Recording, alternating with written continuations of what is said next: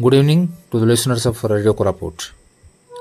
In the post cyclonic development in Koraput district, NH26 has been restored for traffic to resume between Koraput in Odisha and Salur in Andhra Pradesh. The road was blocked since yesterday from the moment Gulab the cyclone started crossing the region.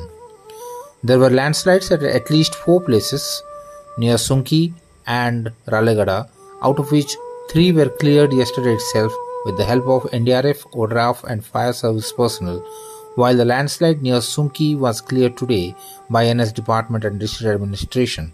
It was a great collaborative effort by District Administration and other agencies. District level officers under the leadership of uh, Sri Abdaal Akhtar, District Collector of Koraput, visited the spot time and again to assess the situation and do the needful. Congratulations to the entire team for successfully completing the task in a record time. Thank you for listening to Radio Koraput. Namaskar.